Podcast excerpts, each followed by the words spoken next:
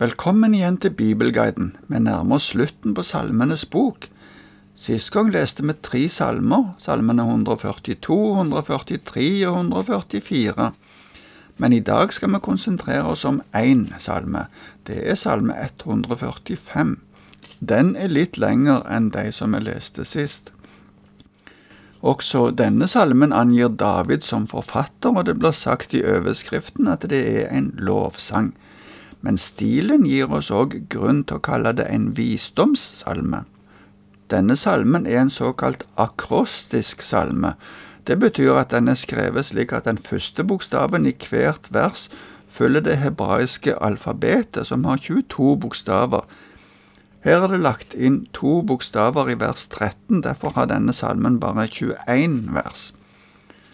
Salmen ble brukt som en middagssalme i gammel tid i kirka.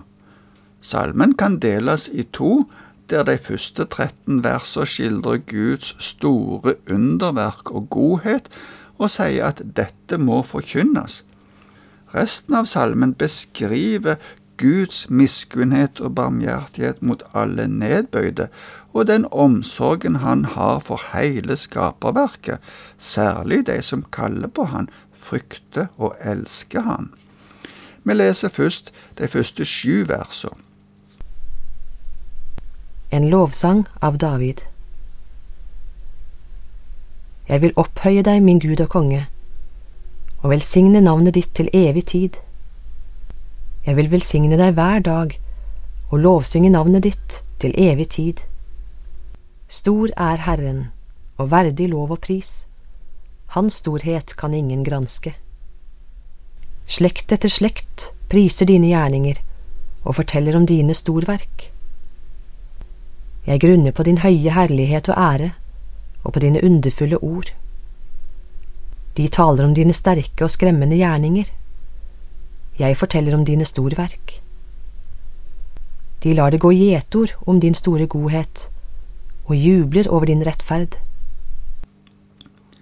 Det som her er oversatt med å velsigne, er i noen bibler oversatt med love eller lovprise. Vers 3 beskriver Herren som stor og verdig lov og pris. David sier i verset før at han vil gjøre det hver dag.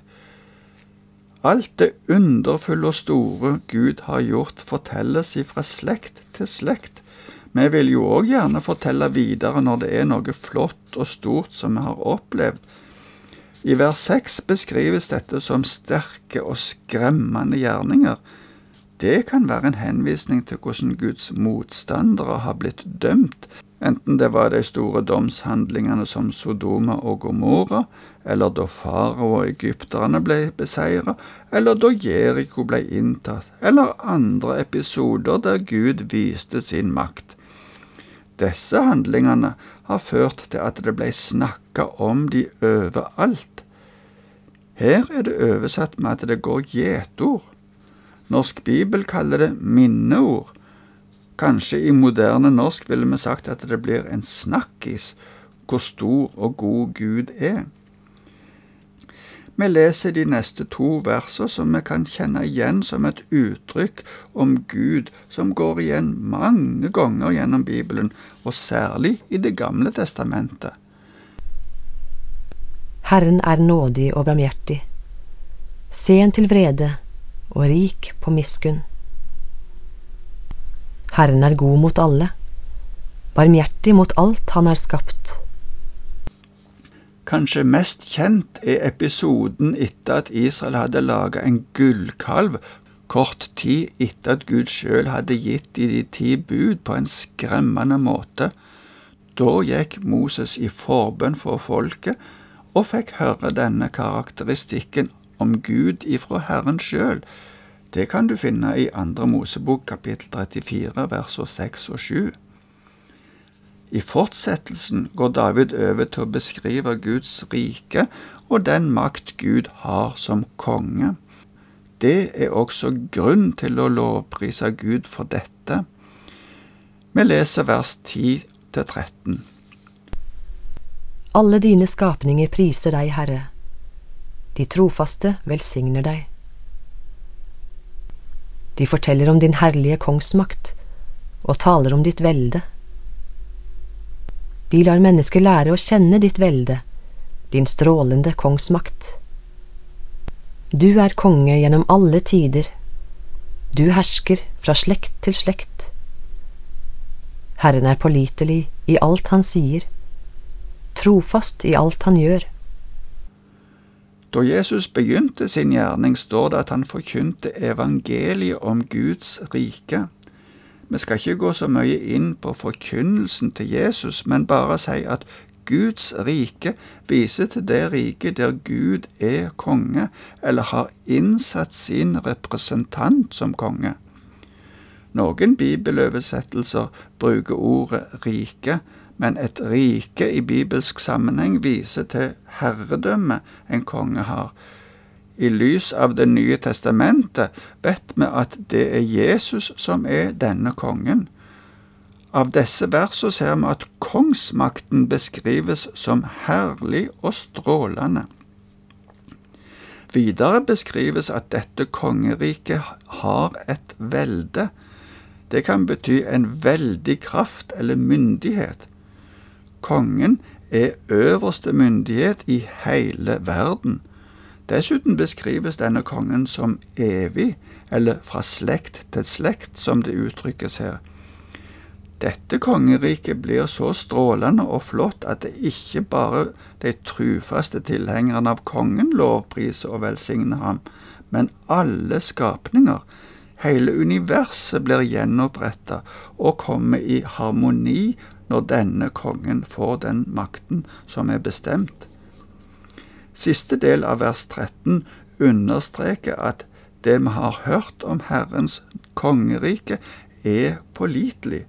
Herren sjøl er slik at du kan være helt sikker på at det Han har sagt, det skjer. Det Han har sagt og det Han gjør, er i samsvar med alt som er åpenbart gjennom hele Bibelens historie. Det blir litt av en dag når Herrens kongedømme blir etablert, og vi får være med og juble og lovsynge Han. Da blir alt bare godt, både med oss og rundt oss. Det gjelder òg hele skaperverket. Nå går vi over til et avsnitt som viser hvordan Guds miskunnhet og Guds barmhjertighet viser seg for oss, Først leser vi versene fra 14 til 16. Herren støtter alle som faller, og reiser alle nedbøyde opp. Alles øyne venter på deg, og du gir dem mat i rett tid. Du åpner din hånd og metter alt som lever med det gode. Tenk at Han som er konge over hele universet, ser til hver enkelt av oss og støtter alle som faller. Hvis noen er nedbøyd, enten det er fysisk eller på annen måte, motløs, trist, sorgfull eller noe annet, så er Herren der for å reise de opp. Det gir oss grunn til alltid å vende øynene mot Herren og vente på det Han vil gjøre. Disse versene kan vi kanskje bruke som ei bordbønn Herren åpner sin hånd og metter oss, gir oss mat i rett tid.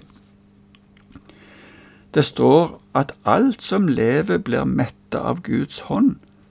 Mange mennesker tenker nok at det er deres egen innsats som skaffer de mat, og det er vel så at, som Salomo sa i ordspråkene 20 vers 4, den late vil ikke pløye om høsten, han venter avling, men får ingen, med andre ord forventes det også innsats av oss når vi skal få mat. Salomo sa òg om den late at han stikker hånden i fatet, men orker ikke å føre den til munnen. Skaperverket og naturens orden er etablert av Gud nettopp for å gi oss maten vi trenger. Det gjelder heller ikke bare menneskene, men også dyra er under Guds omsorg. Nå leser vi resten av salmen ifra vers 17 til 21. Herren er rettferdig på alle sine veier, trofast i alt han gjør. Herren er nær alle som kaller på ham, alle som kaller på ham i sannhet. Til dem som frykter ham, gir han det de ønsker. Han hører deres rop og frelser dem. Herren vokter alle som elsker ham, men utrydder alle lovløse. Min munn skal lovprise Herren. Alt som lever skal velsigne Hans hellige navn til evig tid. Rettferdig og trofast, eller miskunnelig som noen oversetter det, er karakteristikker for Gud som vi finner ofte. Det kan nok være noen som ikke forstår at det er rettferdig, det som Gud gjør, men det er ikke godt å se dette klart ifra vår synsvinkel. Det kan ofte være vanskelig for oss å forstå. Vers 18 er et godt ord som kan være til trøst i mange situasjoner. Herren er nær alle som kaller på Han. Det er nok fordi David har denne tilliten at han mange ganger sier at han roper på Herren. Han vet av erfaring at han får svar. Derfor sier han dette og oppfordrer oss til virkelig å kalle på Herren.